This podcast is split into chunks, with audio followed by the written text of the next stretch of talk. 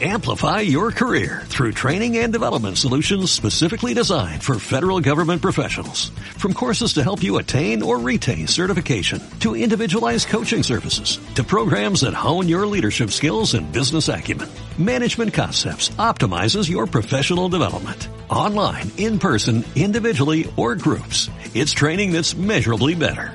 Learn more at managementconcepts.com. That's managementconcepts.com.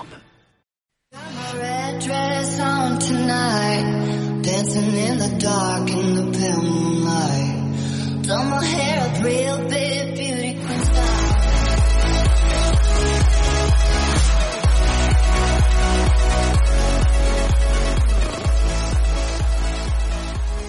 Què tal, com esteu? Molt bona tarda a tothom. Benvinguts una setmana més al Cultura Política. Una salutació també a la gent que ens està veient a través de TVCAT en remissió.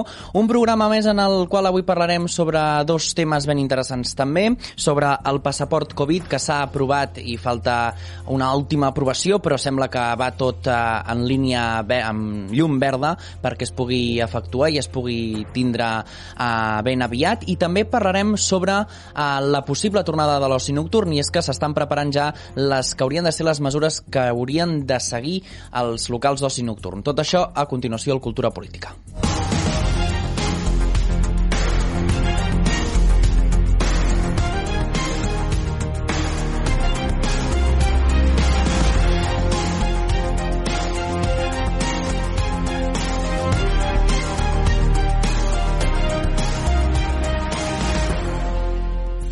I parlarem de tots aquests temes amb la Laura Casado de JSC. Què tal? Benvingut, benvinguda. Com moltes CS. JCS, eh? No ho diem malament. Gerard Sala, de JNC, què tal? Benvingut. Moltes gràcies. I el Jordi Daura, de Barcelona pel Canvi. Bona tarda. Avui, en aquest cas, som tres a la taula, però bé, serà un debat també ben aprofitós, eh? Uh, doncs ens anem, com sempre, al principi del programa amb els titulars de l'actualitat uh, social i política al titular.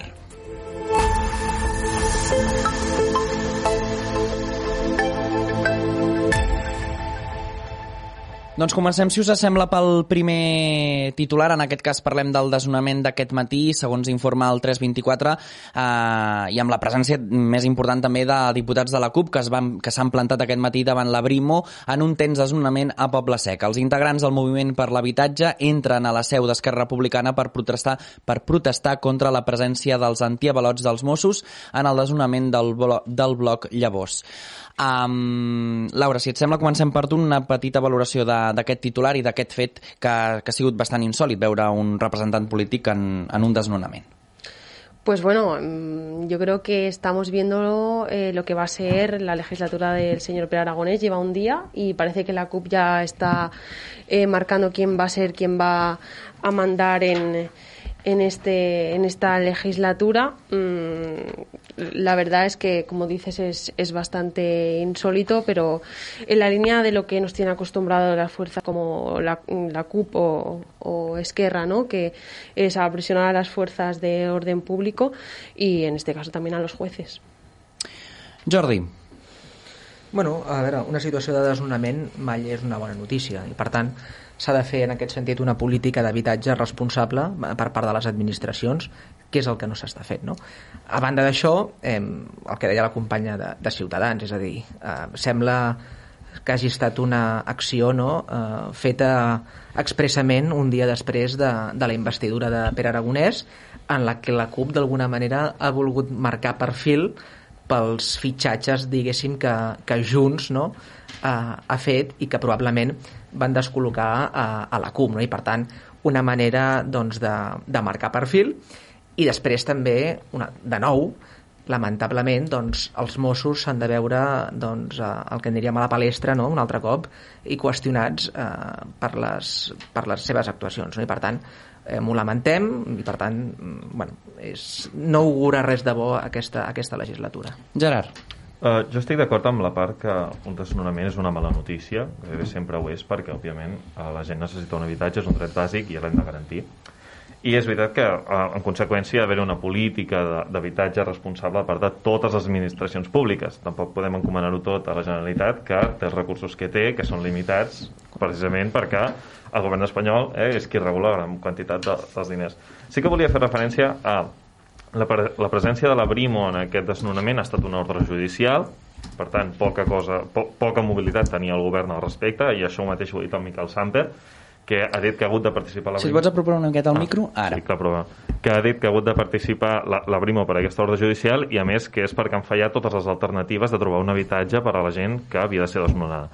Però m'agradaria comentar, espera un segon que em trobaré només una de les dues mascaretes que porto perquè segurament per això se'm sentia menys sobre com la CUP que aquí la nostra companya de les joventuts eh, JCS Sí, sí. Ah, sí. Uh, que, la, que la CUP serà qui regularà la investidura i la, la, la legislatura i jo no crec que sigui així, és a dir no trobo insòlid que els diputats de la CUP hagin estat davant de la Brimo, perquè això ja ho hem vist prèviament en altres situacions, no és el primer Bueno, cop. perquè ho hagin vist no és que no sigui insòlid. Sí, bueno, en el, precisament sí, perquè insòlid és com que passa relativament poc i és una cosa no, no comuna i, per, i la presència de diputats i membres de, de la CUP davant de les forces policials no és un fet excepcional dintre que portem vist. L'altra cosa és que sigui això el que marcarà tota la legislatura, jo no ho crec.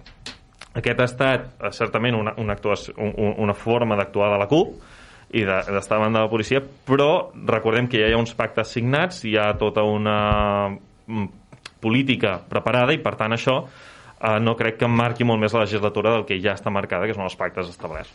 Doncs, si us sembla, seguirem parlant sobretot de, de l'actualitat de la nova, de la nova cúpula de la Generalitat, diguéssim-ho així, però ens anem amb un següent titular, en aquest cas de Nació Digital, en el qual parla sobre desigualtat escandalosa, així és com l'OMS valora la distribució de les vacunes. El seu director general denuncia que més del 75% de les vacunes s'han ad- s'han administrat només en només 10 països. Uh, Laura, comencem per tu, si et sembla, aquesta desigualtat escandalosa segons Nació Digital. Mm, doncs, bueno, no havia vist aquestes declaracions de, de l'OMS, però sí que és veritat que eh, com a projecte europeu sí que és veritat que hauríem de eh, promoure o intentar eh, unes línies generals i que les vacunes, les dosis, poguessin arribar a tots els ciutadans europeus. Gerard. Uh, jo crec que l'OMS no està fent referència només a Europa, a nivell europeu, sinó a nivell mundial. I és veritat que la ciència ha patit durant els últims anys una necessitat d'expansió que no ha pogut tenir en molts països, sobretot els que ara mateix no tenen les vacunes. I això és fruit, en gran part, de la despesa que, que té construir grans instal·lacions biomèdiques com la de producció de vacunes. En aquest sentit, per tant, el que l'OMS està posant de manifest des de molts punts de vista és necessitem reduir cost, la despesa de produir una, o de construir noves fàbriques i noves, mm, nous equipaments biocientífics, però alhora també necessitem fer-ne fer de nous, fer-ne de nous allà on se necessiten. I això el que trobo que és important de remarcar del que està dient l'OMS és necessitem més col·laboració internacional i més desenvolupament de ciència a nivell global. Si només actuen a uns pocs països no arribarem a curar les malalties que necessitem curar i encara menys a lluitar contra la pandèmia del Covid. Mm. Jordi. Sí, eh, hem de partir de la base que si volem lluitar contra la pandèmia, eh, és a dir, no hi ha uns ciutadans que s'hagin de vacunar i uns ciutadans que no s'hagin de vacunar, és a dir, no té cap sentit. És a dir, només serem immunes si el món és immune.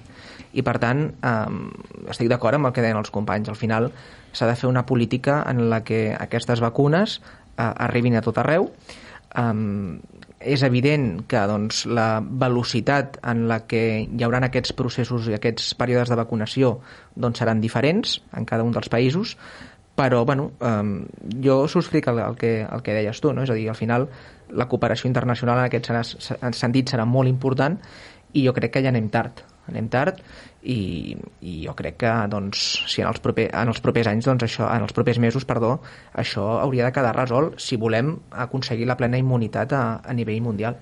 De fet, el que, en relació al que deies, eh, Jordi, eh, Tedros Adhanom, que és el màxim dirigent de l'OMS, ha advertit que la pandèmia no acabarà fins que es controli la transmissió fins l'últim país.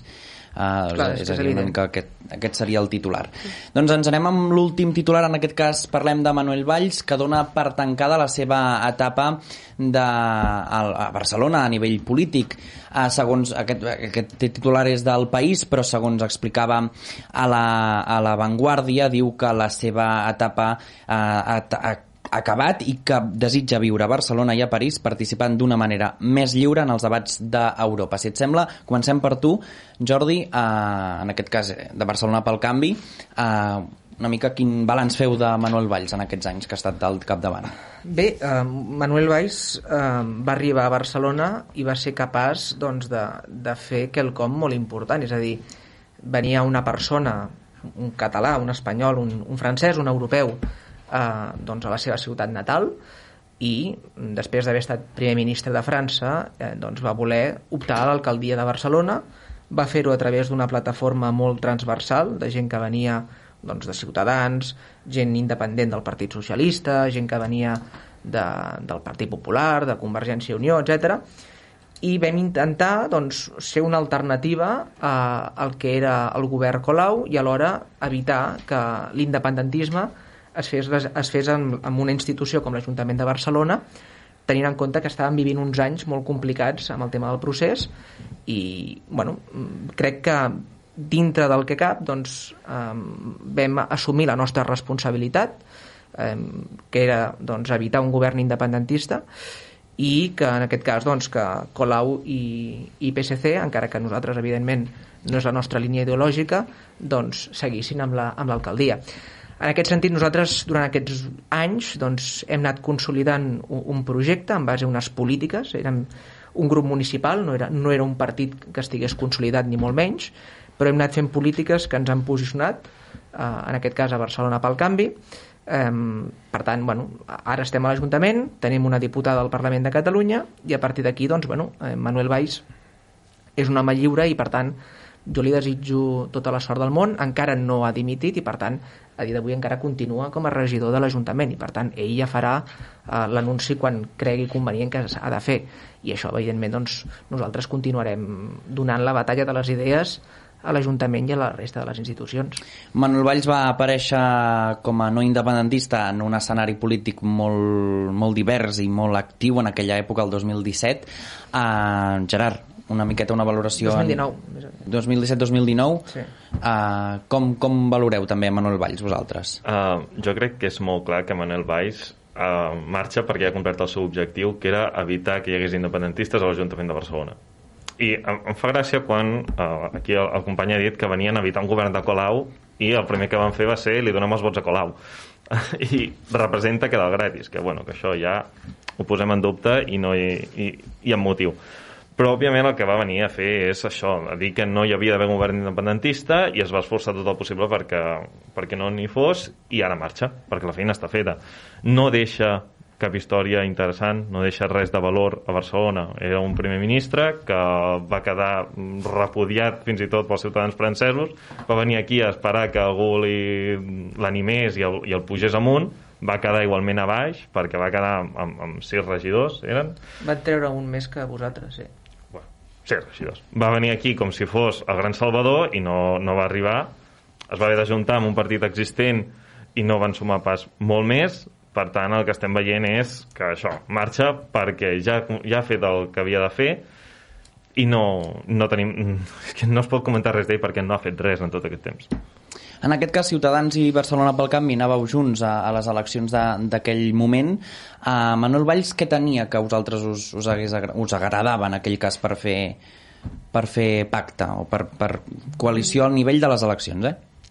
Bueno, Manuel Valls, yo personalmente mmm, le tengo un profundo respeto por, la, por el papel que, que desempeñó en, en, Francia ¿no? como primer ministro, una, una, figura reconocida.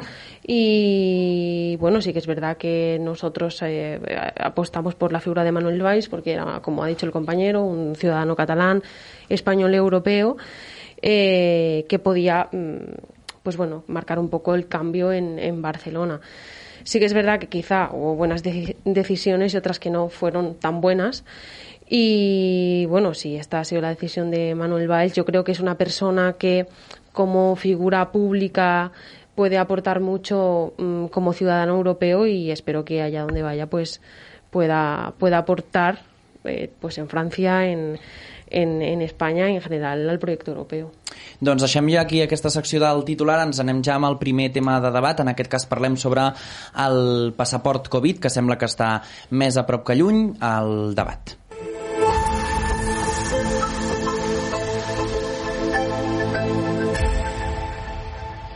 Doncs bé, un cop s'hagin completat tots els tràmits per la seva aprovació, com a màxim l'1 de juliol el tindríem en funcionament i tindria un vigor de 12 mesos, fins a l'estiu del 2022. Uh, Jordi, comencem per tu, si et sembla. Passaport Covid, sí o no? Vosaltres què creieu? Seria positiu? Seria negatiu?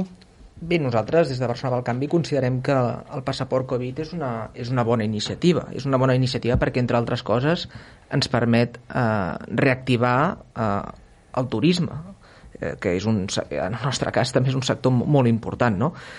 Però des del nostre punt de vista considerem que si no és un requisit obligatori tenir aquest passaport, té poc sentit, no?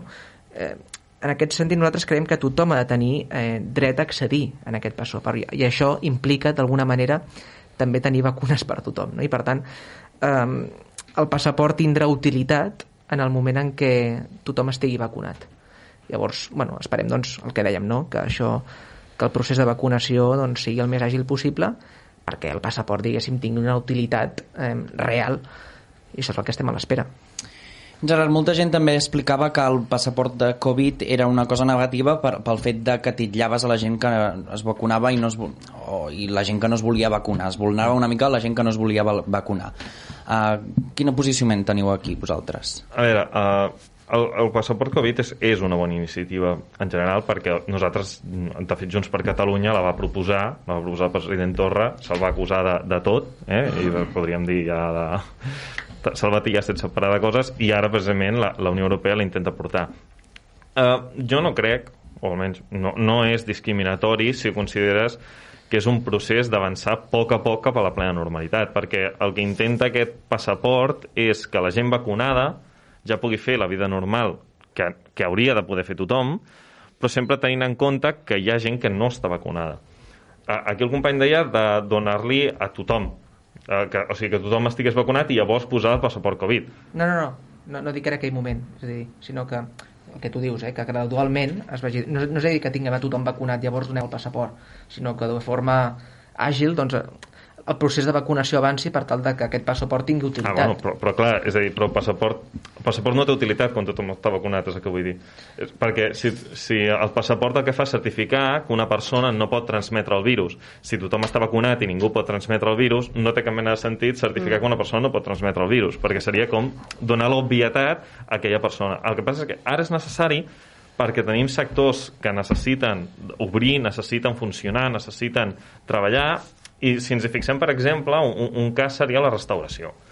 Quan una persona no tingui el passaport Covid, perfectament podria prendre alguna a les terrasses i si hi ha un cert distanciament social, com que estarà a l'aire lliure, la possibilitat de transmissió és molt menor. En un espai interior d'un restaurant, la possibilitat de transmissió augmenta i, per tant, si tothom que hi entra dins tingués passaport Covid, i estem posant una suposició, eh? Uh, el que tindríem aquí aleshores és que dintre no hi podria haver transmissió augmentant la capacitat del local de, de vendre, tindria tant a dins com a fora i sense problemes de transmissió dins. Sí que és veritat, però, que el passaport Covid contempla el que són PCRs, test d'antígens i test d'anticossos, i amb això s'ha d'anar amb molta més cura, perquè una PCR o un, bueno, qualsevol dels tres tests s'ha d'interpretar com una foto en el moment en què es fa. Per tant, donar un document acreditatiu que aquella persona no té coronavirus només per resultat d'una prova és molt complex de cara a quant de temps dura per cada persona el passaport. Si jo em faig una PCR i al cap de 5 minuts me'n vaig a prendre una cervesa amb 25 persones en un espai tancat, el resultat de la PCR no tindrà molt de sentit perquè el que acabaré, el que acabaré de fer podria haver-me contagiat i, per tant, el passaport ja perdria efecte.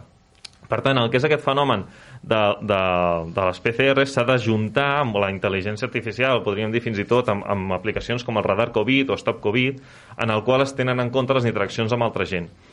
És, és un equilibri constant entre la informació que tenim i la llibertat que, que otorguem en funció d'aquesta, perquè tampoc podem agafar moltes dades dels ciutadans així com així, però la llibertat és essencial per tothom i per tant hem, hem de jugar en un equilibri constant i, però en conclusió podríem dir així en genèric que el passaport Covid és una bona iniciativa i que ajudarà molts sectors que estan tancats a recuperar-se. Deixem-ho clar per la gent que ens està veient a casa. Què inclourà el certificat de vacunació, aquest eh, certificat, aquest passaport Covid eh, dit, dit d'una manera més popular? Eh? Uh, doncs tenir un certificat de vacunació, disposar d'una prova diagnòstica negativa recent i haver passat la Covid i, per tant, tenir-ne anticossos. El fet que s'ha parlat molt aquests darrers dies també és el fet de que el passaport serà gratuït, el que sí que no serà gratuït seran les PCR. Laura, mm, haurien de ser gratuïtes també? S'hauria ja de, de plantejar una altra manera de... no sé, una altra manera de detectar-ho o...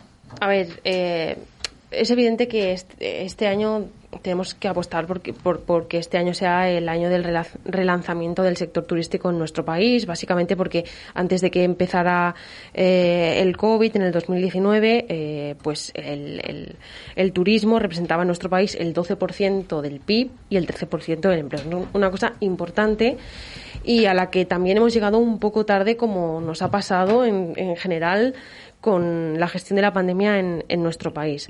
Nosotros eh, creemos que, el, pasaporte COVID es, es una buena idea, mm, también acompañado quizá de, otras cosas, como, como por ejemplo la bajada del IVA turístico para hacerlo más competitivo, para que pues también eh, le demos un respiro a, todo este sector. Y eh, por lo que decías, nosotros pensamos que es una buena idea para que aquellos, aquellas personas que estén vacunadas precisamente no tengan que costearse una PCR para ir, por ejemplo, a Canarias, que, que, bueno, está aquí al lado, entre, entre comillas.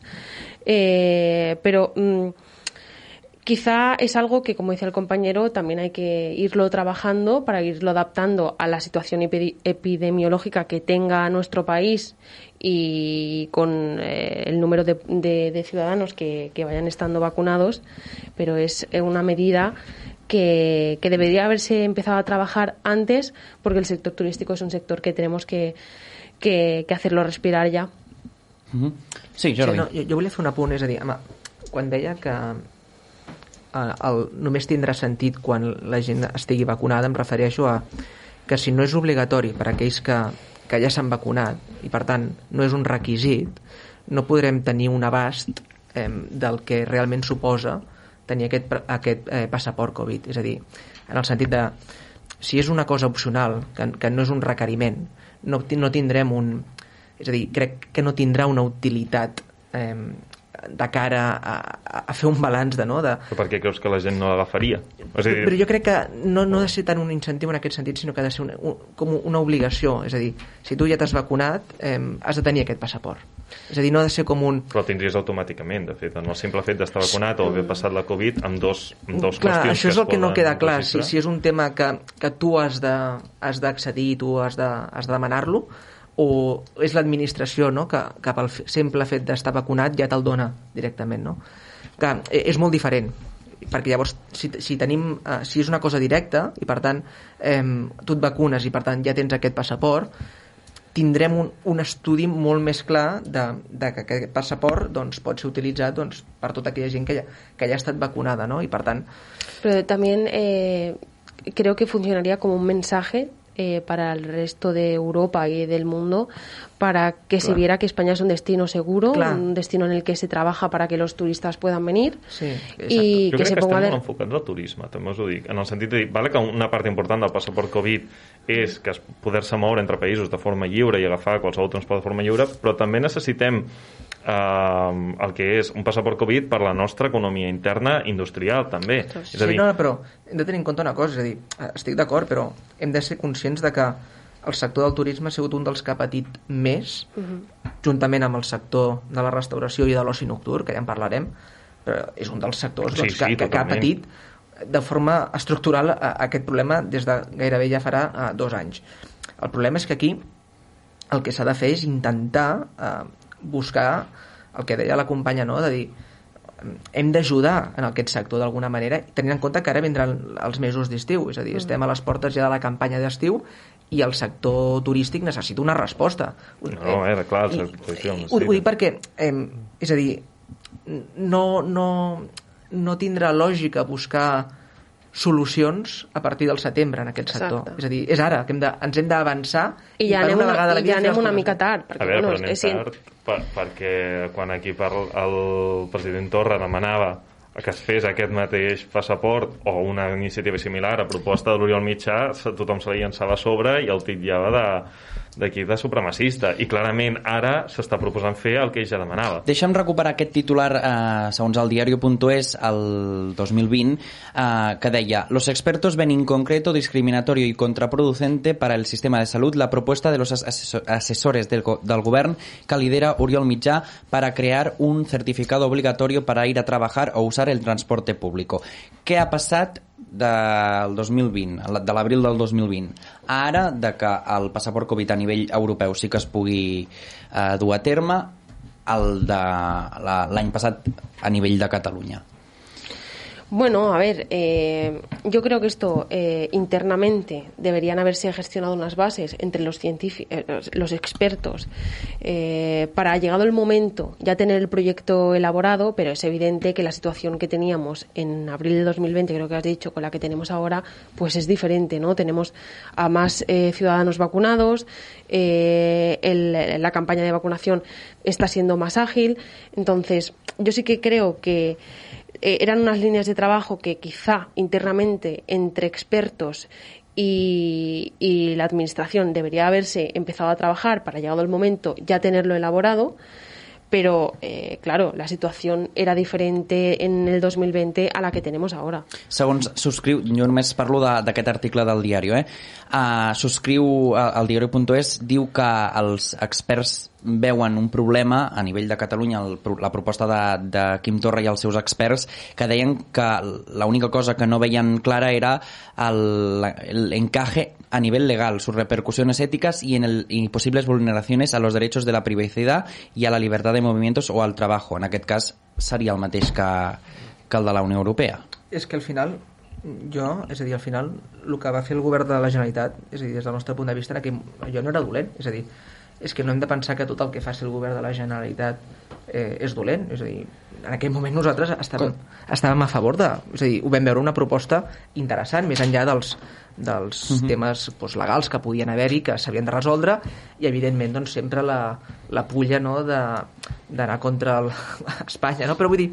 Però, però, en aquest cas va ser més al revés. però, però ens, sí, però És dir, la, la, la, en aquest cas Que és molt fàcil acusar la Torra de- reciprocitat entre els dos governs entre de, doncs és culpa de Madrid o és, és culpa de la Generalitat no? Per tant, o sigui, en aquest sentit jo no vinc a defensar el govern de Sánchez ni molt menys però sí que ens va semblar pues, una proposta interessant vull dir, no, en aquest cas no tenim cap inconvenient en reconèixer-ho Un altre punt que s'ha debatut més és el tema de que no totes les vacunes s'a- s'acceptaran dins d'aquest uh, dins d'aquest certificat segons informa BTV. Uh, només s'acceptaran en aquest cas de moment els uh, autoritzats a la Unió Europea per l'Agència Europea del Medicament. En aquest cas només seran acceptades les de Pfizer, Moderna, AstraZeneca i Janssen. Els altres països quedaran una mica a les seves mans quines eh, vacunes s'accepten o no. Creieu que s'han d'acceptar totes les vacunes que s'han posat al mercat? No. no. Per què? perquè precisament la, la Unió Europea es dota de l'Agència Europea del Medicament com a base per fixar uns estàndards per aprovar els medicaments que podem prendre els, els ciutadans de la Unió Europea. Uh -huh. Si el que fem és saltar-nos a les recomanacions de la- de l'Agència Europea del Medicament, això és campixa perquè cada, cada dia s'aproven medicaments de molts tipus, quan s'aproven es generen medicaments de molts tipus i han de passar per tot un procés molt rigorós de la- de l'Agència Europea del Medicament. Mo- Tan rigorós que fins i tot els estudis que fem aquí, bueno, que fa aquí el govern de- d'Espanya per mm, saltar-se la EMA, són una tonteria. És a dir, la- l'Agència Espanyola eh, Europea del Medicament demana, per exemple, que no hi hagi més d'un cas per milió de- d'un d'un cas per milió de- d'efectes secundaris intensos. Estaríem parlant de les trombosis d'AstraZeneca o altres tipus de, de patologies greus i en canvi aquí es fan estudis amb 600 persones vacunades per intentar identificar si aquests es donen. Per tant, és normal que no s'acceptin altres vacunes si no han passat per un procés que, com el que dicta l'Agència Europea del Medicament, perquè fer-ho seria no saber quina, eh, quina funció o quina efectivitat tenen la resta de vacunes i posaríem en risc tot el sistema de vacunació i, tot el, i tota la població per simplement anar donant passaports Covid a gent que potser està transmetent el virus més de la gent vacunada. Mm -hmm. Laura. Sí, jo estic totalment d'acord, no? Tenim eh, una referència que és eh, aquesta institució europea i, i que hem de seguir en qualsevol dels casos i tenir-la com, a, com a referència perquè, com, com ha dit el company, no? eh, entren molts medicaments cada dia i si no, això seria jauja. Uh -huh. Correcte, no, no. L'Agència Europea del Medicament d'alguna manera filtra no? I, i estableix doncs, aquest marc que, que ens permet a nosaltres doncs, eh, utilitzar eh, o sigui, quines vacunes doncs, cada estat ha, ha d'utilitzar. No? Per tant, crec que saltar-se això eh, quan tenim aquesta institució que, que és l'encarregada no? de, d'aquest tema dir, és lògic i en aquest sentit totalment d'acord amb, el, amb, el que, amb, amb aquesta notícia. Ho parlàveu abans de no se sap encara com es podrà accedir a aquest passaport Covid, però el que sí que també s'ha parlat molt és de que eh, no serà obligatori per viatjar de moment, eh, no serà una cosa obligatòria, el que sí que passa és que la gent que no el vulgui dur o no el vulgui utilitzar sí que se li podrà imposar mesures addicionals com per exemple les quarantenes a diferents països. Això ho veieu bé? No ho veieu bé? Sí, és a dir, mm, estem parlant d'un document que acredita directament el, el que una persona acreditaria abans de fer un viatge. És a dir, si ja estàs vacunat, no has d'acreditar abans de fer el viatge que no transmetràs la malaltia. És, és per si obvi. I si fas un viatge i no has fet una PCR prèvia, doncs és normal que hagis de fer una quarantena per veure si desenvolupes els símptomes. Però si parlàvem abans de, del fet de que el passaport Covid serà una cosa positiva pel fet de, de preveure contagis i pel bé comú, no?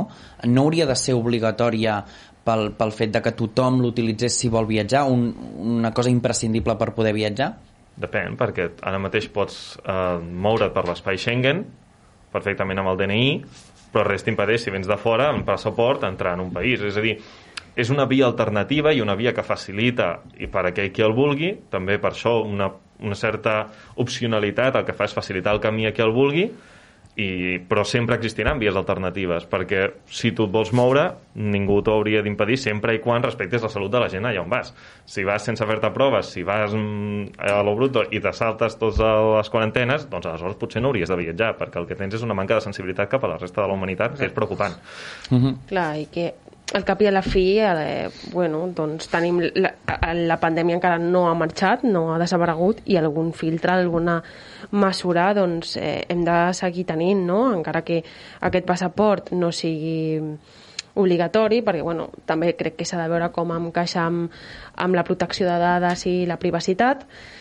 eh, però hem de seguir tenint, com deia el company, mmm, cura eh, tant per part de les institucions, però també que els propis ciutadans entenguin que hi ha una part de responsabilitat pròpia que hem d'adquirir nosaltres i no pot venir sempre l'administració darrere nostra per veure si ho fem tot mm, tal i com ens ho indiquen. Sí, al, al final tota llibertat té que anar associada una, una responsabilitat i per tant estem parlant d'un instrument en un moment excepcional per unes mm -hmm. circumstàncies excepcionals i per tant jo crec que aquí, com deia també la companya doncs cada persona ha de ser responsable de, de, dels seus actes no? I, i si veus que, que, que has de viatjar doncs evidentment doncs, prendràs unes mesures i, i, i no, no faràs doncs, les quarantenes eh, vacunaràs, etc. però dir, no, jo crec que al final també és, és sentit comú doncs, si us sembla, seguirem parlant d'aquest tema. Uh, seguim amb el programa, ara amb Germán Zambrana, que ens visitarà, perquè parlarem sobre les, les noves conselleries de la Generalitat.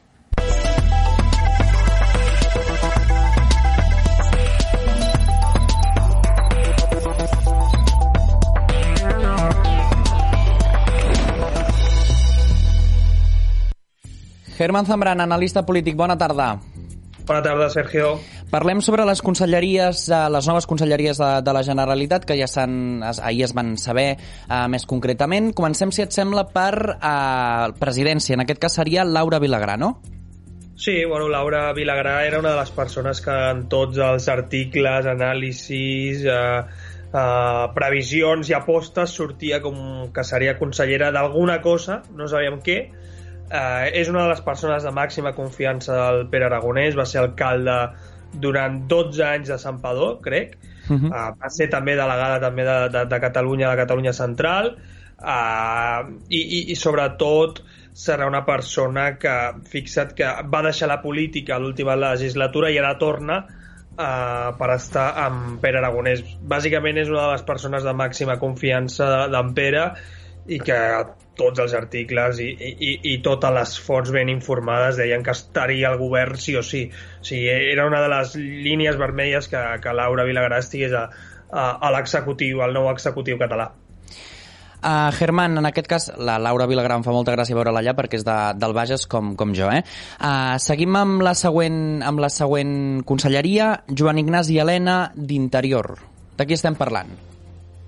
Bueno, el Joan Ignasi Helena és curiós, és curiós la seva història perquè era un dirigent del PSC que quan va iniciar el procés es va començar a prop, uh, va, va deixar el PSC i va començar a apropar-se una mica a, a l'entorn d'Esquerra, fins i tot va arribar a ser el, el president de, del, del Pacte Nacional pel Referèndum, que, uh -huh. que és una cosa ben, ben curiosa, i el, el, el seu paper més destacat últimament ha, ha sigut el de ser el portaveu jurídic dels eh, els polítics d'esquerra que estan a la presó. Ell era una mica l'advocat eh, portaveu d'ells uh, té un, tindrà un repte superimportant perquè la Conselleria d'Interior ja s'ha vist en els últims temps que ha estat de les més polèmiques, és una de les conselleries calents, però que Esquerra assumeix el repte, sobretot uh, amb les darreres manifestacions, que s'havia qüestionat sobretot el paper de la policia, etc etc. Uh, -hmm. És una conselleria molt, molt, molt calenta en aquest sentit i Joan Ignasi Helena és una de les persones que havia adquirit certa rellevància dins d'Esquerra de la gent que va deixar el PSC i que, i que, va, i que va venir a Esquerra. I també en aquests moments que estem veient aquests uh, desnonaments tan polèmics, no? justament, justament avui, eh? Sí. Uh, si et sembla, com, uh, seguim amb Educació, Josep González Cambrai. Seria, bueno, no? és curiós, és curiós perquè era una persona bastant desconeguda. Eh, és el director general de, era el director general de centres públics de la Generalitat -huh. i sobretot va guanyar rellevància els últims mesos perquè va ser ell qui va dissenyar tot el dispositiu d'assistència presencial a classe, a mascaretes, als descansos dels nens, a, a la gent que hi anava o no, semipresencialitat, és a dir, tota l'estratègia, dispositiu d'educació d'aquest any amb el Covid eh, la va dissenyar aquest senyor, Josep González Cambrai. El que veiem és un govern bastant tècnic, eh? a comparació del 2017 potser o de l'últim govern, que era un govern més polític, més simbòlic. Jo crec que aquí clarament Pere Aragonès aposta per un, per un to més tècnic, un govern més tecnocràtic, ara que s'ha posat de moda i que totes les tertúlies hi parlen. Uh -huh. uh, uh, aquest perfil de Josep González ho, ho demostra bastant. També ho demostra, en aquest cas, amb la Conselleria d'Economia, en aquest cas seria Jaume Giró, no? És una persona sí, ben... ben... Que, jo crec que el Jaume Giró és una de les grans sorpreses del nou executiu català. Uh -huh. uh, el Jaume Giró va ser director general de la Caixa, uh, és una persona que està més propera a l'antiga Convergència que no a Junts, uh, és una persona proposada per Junts, però que és molt més propera a les tesis econòmiques més neoliberals, uh, més de Convergència que no pas de Junts, per dir-ho d'alguna forma. En Jaume, la cosa més rellevant i que avui publicava, per exemple, El Mundo, per veure la persona que han escollit per, per liderar aquesta conselleria és que el Jaume Giró, quan va passar tot allò del referèndum de l'1 d'octubre, que totes les empreses marxaven, que tots els bancs van canviar la seva seu social per mm -hmm. no deixar a Catalunya, en Jaume va estar a favor de canviar la seu de, de la Caixa de Catalunya a València. Va ser un dels, va, va ser un dels impulsors d'això. Uh, I després, bueno, jo crec que la Conselleria d'Economia sempre ha estat bastant tècnica i sempre ha estat d'un perfil molt elevat a nivell educatiu, trajectòria, etc. Com era, per exemple, Mascolell o el professor, o el professor Trias, que fa ja, fa ja anys. I, per exemple, Jaume Giró va estar a punt de ser vicepresident esportiu del Barça, uh, vicepresident econòmic, perdona, uh, amb la Porta, però en l'últim minut, quan la Porta ja havia guanyat les eleccions del Barça, ell va dir que no, però ell estava nominat a... era el candidat de la Porta a la vicepresidència econòmica del Barça, o sigui que és una persona amb una trajectòria molt, molt dilatada. Qui també té una trajectòria molt dilatada en aquest cas seria Josep Maria Argimon, que s'encarregaria de la Conselleria de Salut, com veiem a la pantalla, no? Sí, el Josep Maria Argimon va ser una de les primeres promeses de noms eh, de, de Junts per Catalunya, en aquest cas de la Laura Borràs. Ningú sabia més o menys qui podria estar al govern més enllà de els noms dels candidats, que més o menys era el Pere, que seria president, i la Laura, pues, o, o bé que seria vicepresidenta del govern, o bé que adquiriria el càrrec que té, que té ara, que és la la presidenta del Parlament, el Josep Maria Argimon va adquirir molta rellevància quan es va posar al capdavant del direct, de l'Institut Català de la Salut, va liderar tota l'estratègia de la Covid i van aprofitar tot el tirón que, que, que tenia, en el bon sentit, perquè va ser un home que eh, públicament eh, tenia certa consideració, eh, la, la Laura Borràs va veure aquí un ventall d'oportunitat i, i, i va prometre que si ella entrava al govern o que si Junts entrava al govern el conseller de Salut seria Josep Maria Argimon. Com veiem, és un govern bastant tecnocràtic i no tan polític, eh? o sigui que és, és, aquesta és la, sens, la sensació que tinc jo, eh? que és una, Pere Aragonès aposta més per una cosa més, més tecnocràtica que no política. També el que és evident és el balanç entre homes i dones. Avui, en aquest cas, hem vist cinc de les conselleries, podríem dir, més destacables eh, per l'actualitat que s'està vivint en els darrers anys, però eh, serien el balanç en general serien 14 conselleries, 8 eh, liderades per dones i 6 per homes, no? Sí. Eh, Quines altres tenim, Germán? Uh, jo destacaria així, en l'últim moment jo crec que la vicepresidència que adquireix uh, Jordi Puigneró és molt rellevant. És molt rellevant que Junts acabi apostant per una figura tan, tan, tan propera a Puigdemont. Eh, si la Laura Borràs era la, i el Jordi Sánchez eren les persones més properes a Puigdemont i no han tingut tant de pes dins del govern, la tercera persona era el Jordi Puigneró. De fet, ell mateix diu que és un puigdemontista. Uh -huh. uh, va estar va estar molt a prop de ser processat pel, pel referèndum i mantindrà la Conselleria de Polítiques Digitals i només repetirà juntament amb la Teresa Jordà que és una de les coses curioses. Uh, i bueno, el Jordi Puigneró és probablement sigui el contrapès, el contrapès d'Esquerra al govern, la persona més visible, la persona més coneguda de Junts dins l'executiu i segurament, segurament eh, en Jordi Puigneró protagonitzarà algun dels enfrontaments més públics amb Esquerra, per dir-ho d'alguna forma. Uh -huh. Doncs Germán Zambrana, deixem-ho aquí. Moltíssimes gràcies eh, per una tarda més. Ens veiem al programa vinent. Molt bé, gràcies. Gràcies. Dancing in the dark in the pale moonlight Done my hair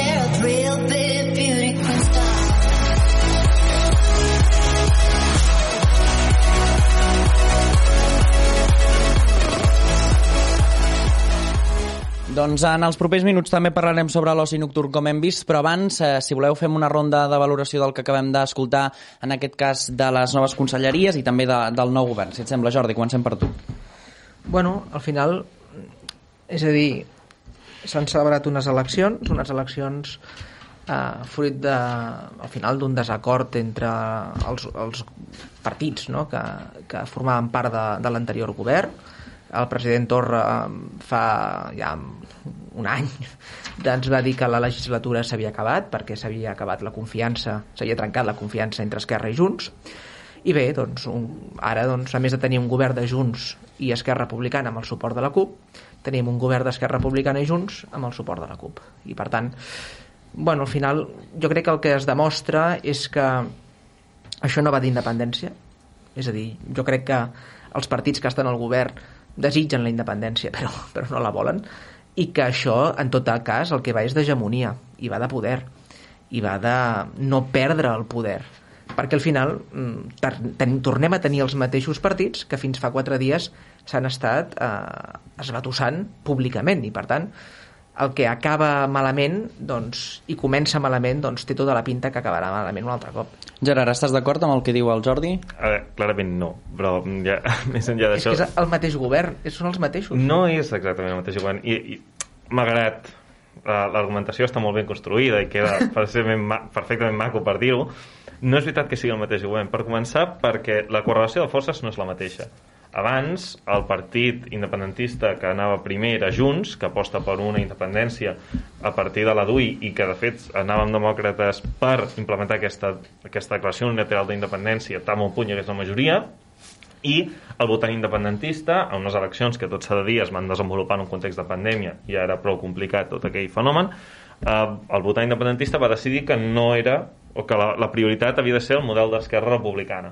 Per un diputat. Bueno, per un diputat, però la democràcia és la democràcia. Sí, sí, sí. I, i si aquí va quedar primer Esquerra Republicana, ja, ja hi ha hagut un canvi respecte a l'anterior legislatura. Bueno, qui va quedar primer va ser el PSC. Eh, sí, home. Sí. Va, bueno, dit, el votar independentista he dit, eh? Ah, dic, no, no. Em dona que votar independentista no vota gaire No, PSC. no, però dic, que la primera força del país va ser el Partit Socialista, també vull recordar-ho. Però, però bueno.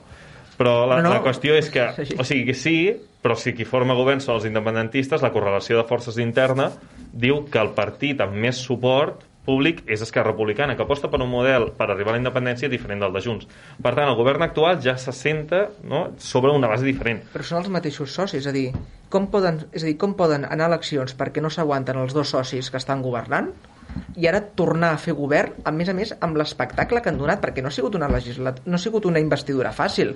És a dir, Junts Bueno, per si no ha Catalunya... estat fàcil és que està més ben treballada, també No, és diferent. És bueno, a dir, s'ha treballat més temps, com a que- mínim, perquè crec- dos mesos hi eren allà. Jo crec que en el moment en què Esquerra va dir pues, si Junts no hi és, nosaltres tirem milles amb altres socis, aquí Junts va dir ojo, ojo, que esto va en serio. És a dir, Home, molt en sèrio no anava si han tornat on estem. bueno, bueno, no ho sé, eh, però... Lo que está claro es... Laura. Sí, lo que está claro es que eh, obviamente no les importa Cataluña, estamos delante de hegemonía de a ver quién lidera el independentismo y, eh, lo estamos viendo, pues está- eh, se están tirando los trastos, es evidente que son es el mismo gobierno. Eh, nosotros lamentamos que el señor Aragonés en su discurso de, de investidura siga con la confrontación y siga retando al gobierno central y forzándolo eh, y poni- poniéndolo con- eh, contra las cuerdas con, un referéndum ilegal.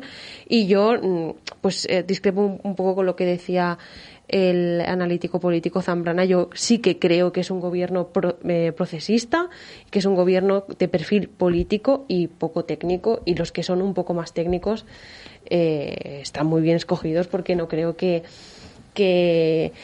que los expresidentes que ahora están en la sombra den una puntada sin hilo. Así jo només voldria dir que a partir d'ara, és a dir, Molt ràpidament, eh? tindrem un altre cop dintre del mateix govern, govern i oposició.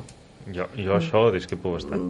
O, o sigui, ho deixaré aquí perquè És dir, estàs demanant que siguem curts, crec- però ni crec en que no, no, no ens preocupem per Catalunya, perquè ho fem, i no crec que ara per ara hi hagi això. Però Jordi. Sánchez va dir en unes declaracions la setmana passada al planta baixa que s'havia de seguir endavant amb aquest pacte de govern, però tampoc s'havia d'oblidar el que havia passat abans, és a dir, la motxilla que teníeu entre Esquerra Republicana i Junts per Catalunya i els problemes que heu tingut també per, per, per pactar aquest... Però, però clar, perquè si tu oblides tot el que ha passat, tornarà a passar. O sigui, hem de tenir en compte tot el que ha passat abans perquè s'han generat discrepàncies. O sigui, no, ningú mm, amaga que hi ha hagut discrepàncies perquè les eleccions es va convocar per una pèrdua de confiança entre els socis mm. de govern.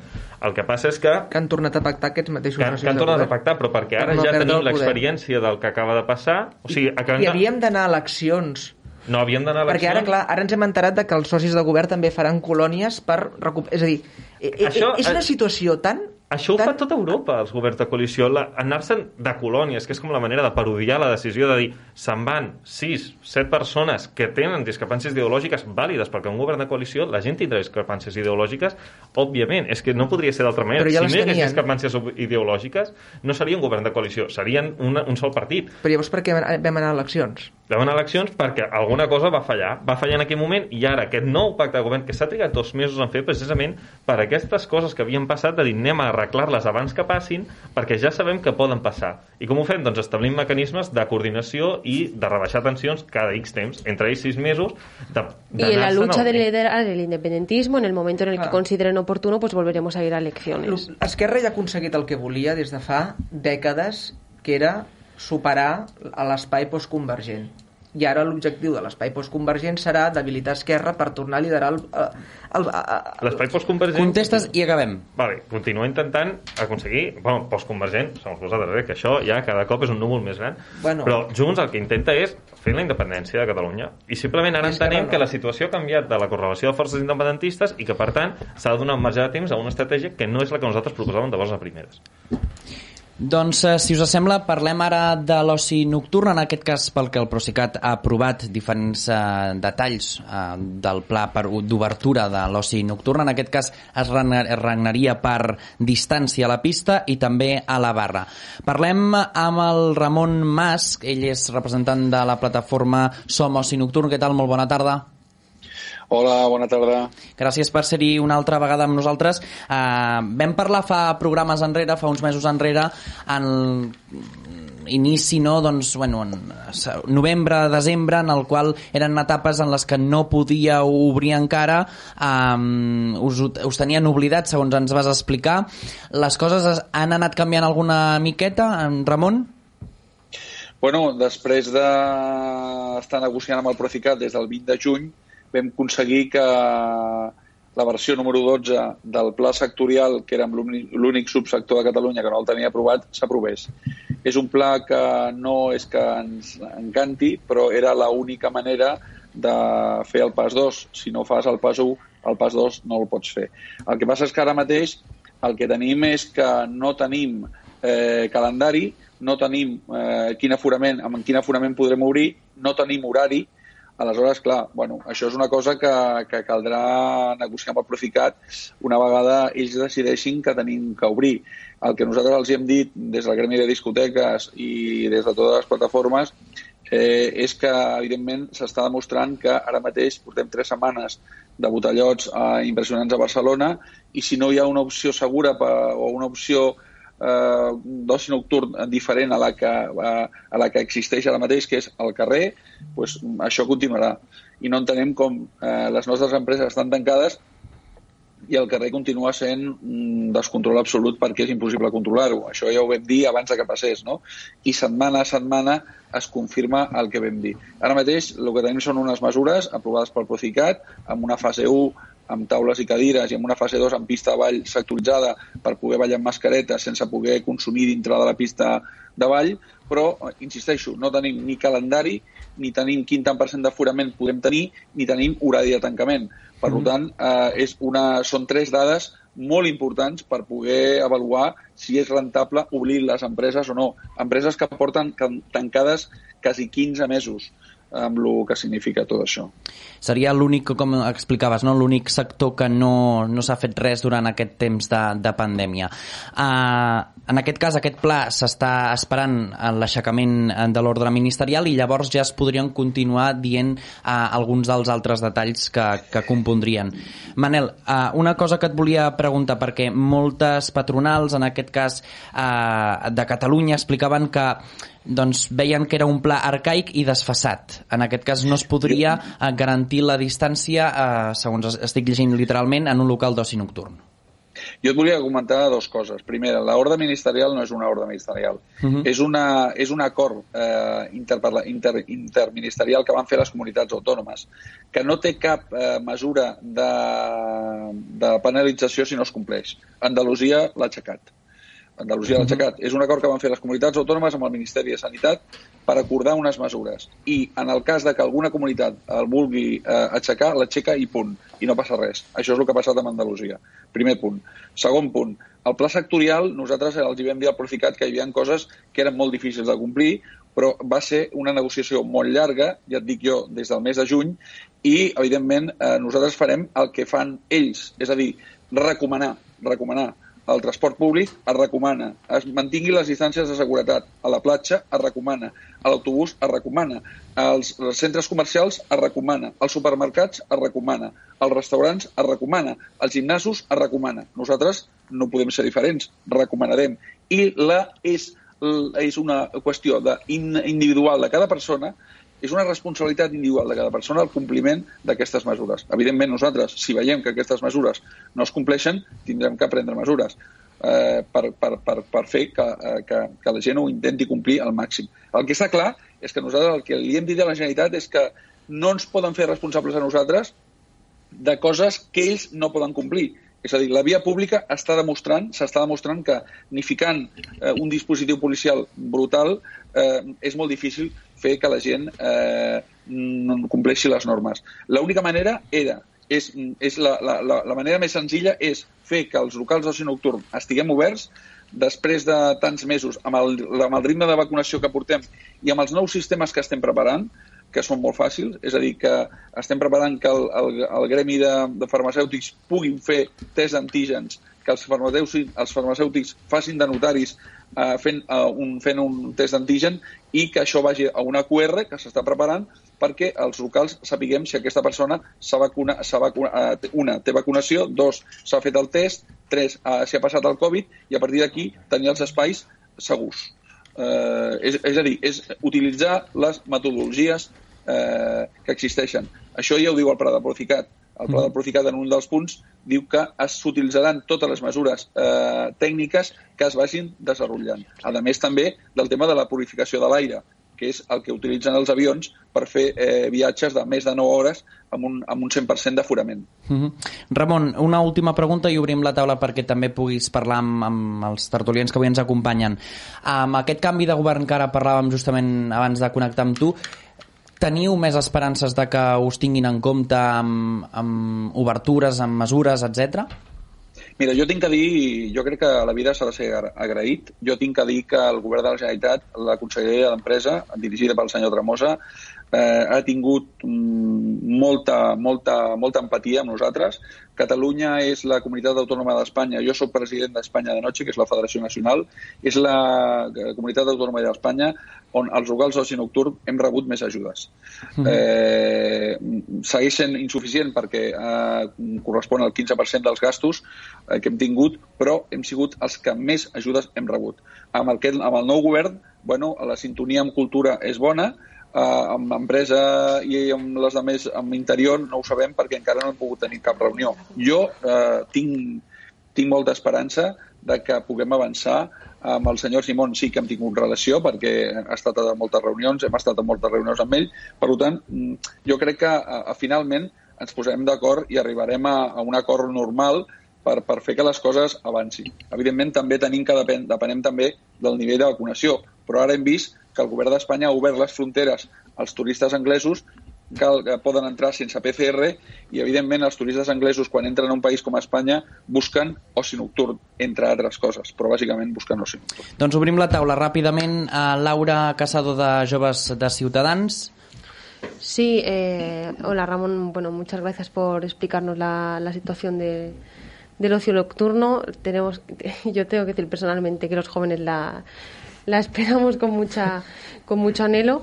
Eh, ya lo has comentado un poco, pero bueno, hablabas de, de, las ayudas. Yo no sé si las ayudas que os han que tenéis ahora, que os han ofrecido, eh, pues son suficientes para que vuestras, vuestros negocios, vuestras empresas sean viables, ¿no? O también vais a plantear que, como tú bien has dicho, sois el único sector eh, que ha sido invisibilizado y casi que olvidado eh, pues os vais a plantear que, que esas ayudas se incrementen. Pues mira, nosotros eh, sí que nos vamos a plantear que las ayudas se incrementen. Hemos tenido una primera línea de ayuda, una segunda que ya se ha cobrado.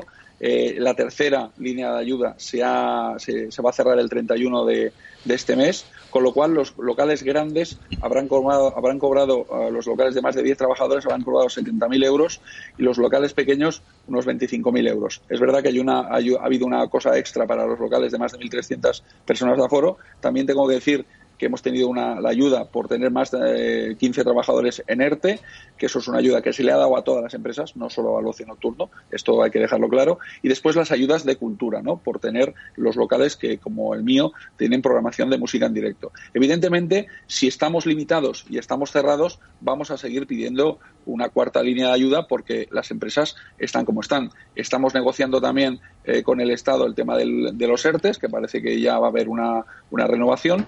También tenemos la ayuda de los 993 millones que le toca a la Generalitat, que va a ser una ayuda que eh, tiene que ir destinada a paliar deuda, eso es lo que dice el Gobierno de España, proveedores y otros acreedores y deuda financiera, y a partir de aquí seguiremos pidiendo dinero para tener circulante, porque evidentemente todo el dinero que nos han dado lo hemos utilizado para pagar 50% de alquileres, IBIS, IAES, eh, porque los IAES del 19 se han pagado ahora, y todos los impuestos y todos los suministros y todos los gastos generales que tenemos, que son, que son bastantes. Doncs, eh, Jordi, ràpidament, sí. última pregunta que acabem el programa. No, la, la, Ramon, bona tarda. La meva pregunta és quines expectatives teniu de cara a aquest estiu i si la situació continua més o menys igual, eh, en quina situació quedarà el sector després de, de l'estiu? Bé, jo considero que si tot va com té que anar, tindríem que tenir una primera obertura cap a Sant Joan o cap a Juliol. A partir d'aquí, a partir de la primera obertura, de com sigui, de quin calendari sigui, de quin horari tinguem, de quin aforament tinguem, les coses aniran d'una manera o d'una altra. I confio, i confio molt perquè crec que el nivell de vacunació està pujant i crec que l'esforç que s'està fent eh, no ens deixaran caure perquè saben perfectament lo important que som com a, eh, com a, com a ens culturals i no solament això, sinó com a atracció del turisme i a més també com a, com a locals que, que servein perquè, perquè la gent pugui socialitzar, gent de totes les edats, d'aquí i de fora, que, que venen a Catalunya. Doncs moltíssimes gràcies, Ramon Mas, de Som Oci Nocturn. Gràcies, una abraçada. Gràcies a vosaltres. I una salutació també, una abraçada a la gent que ens està veient ara en directe o també a la gent que ens està veient en reemissió. Fins la setmana vinent.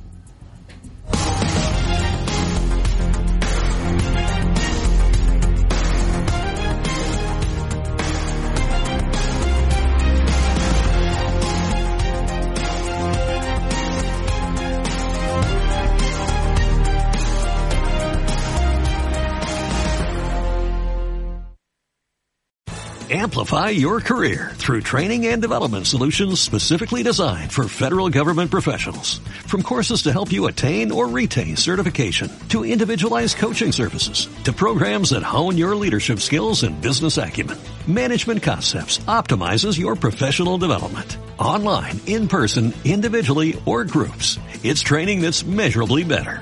Learn more at managementconcepts.com. That's managementconcepts.com.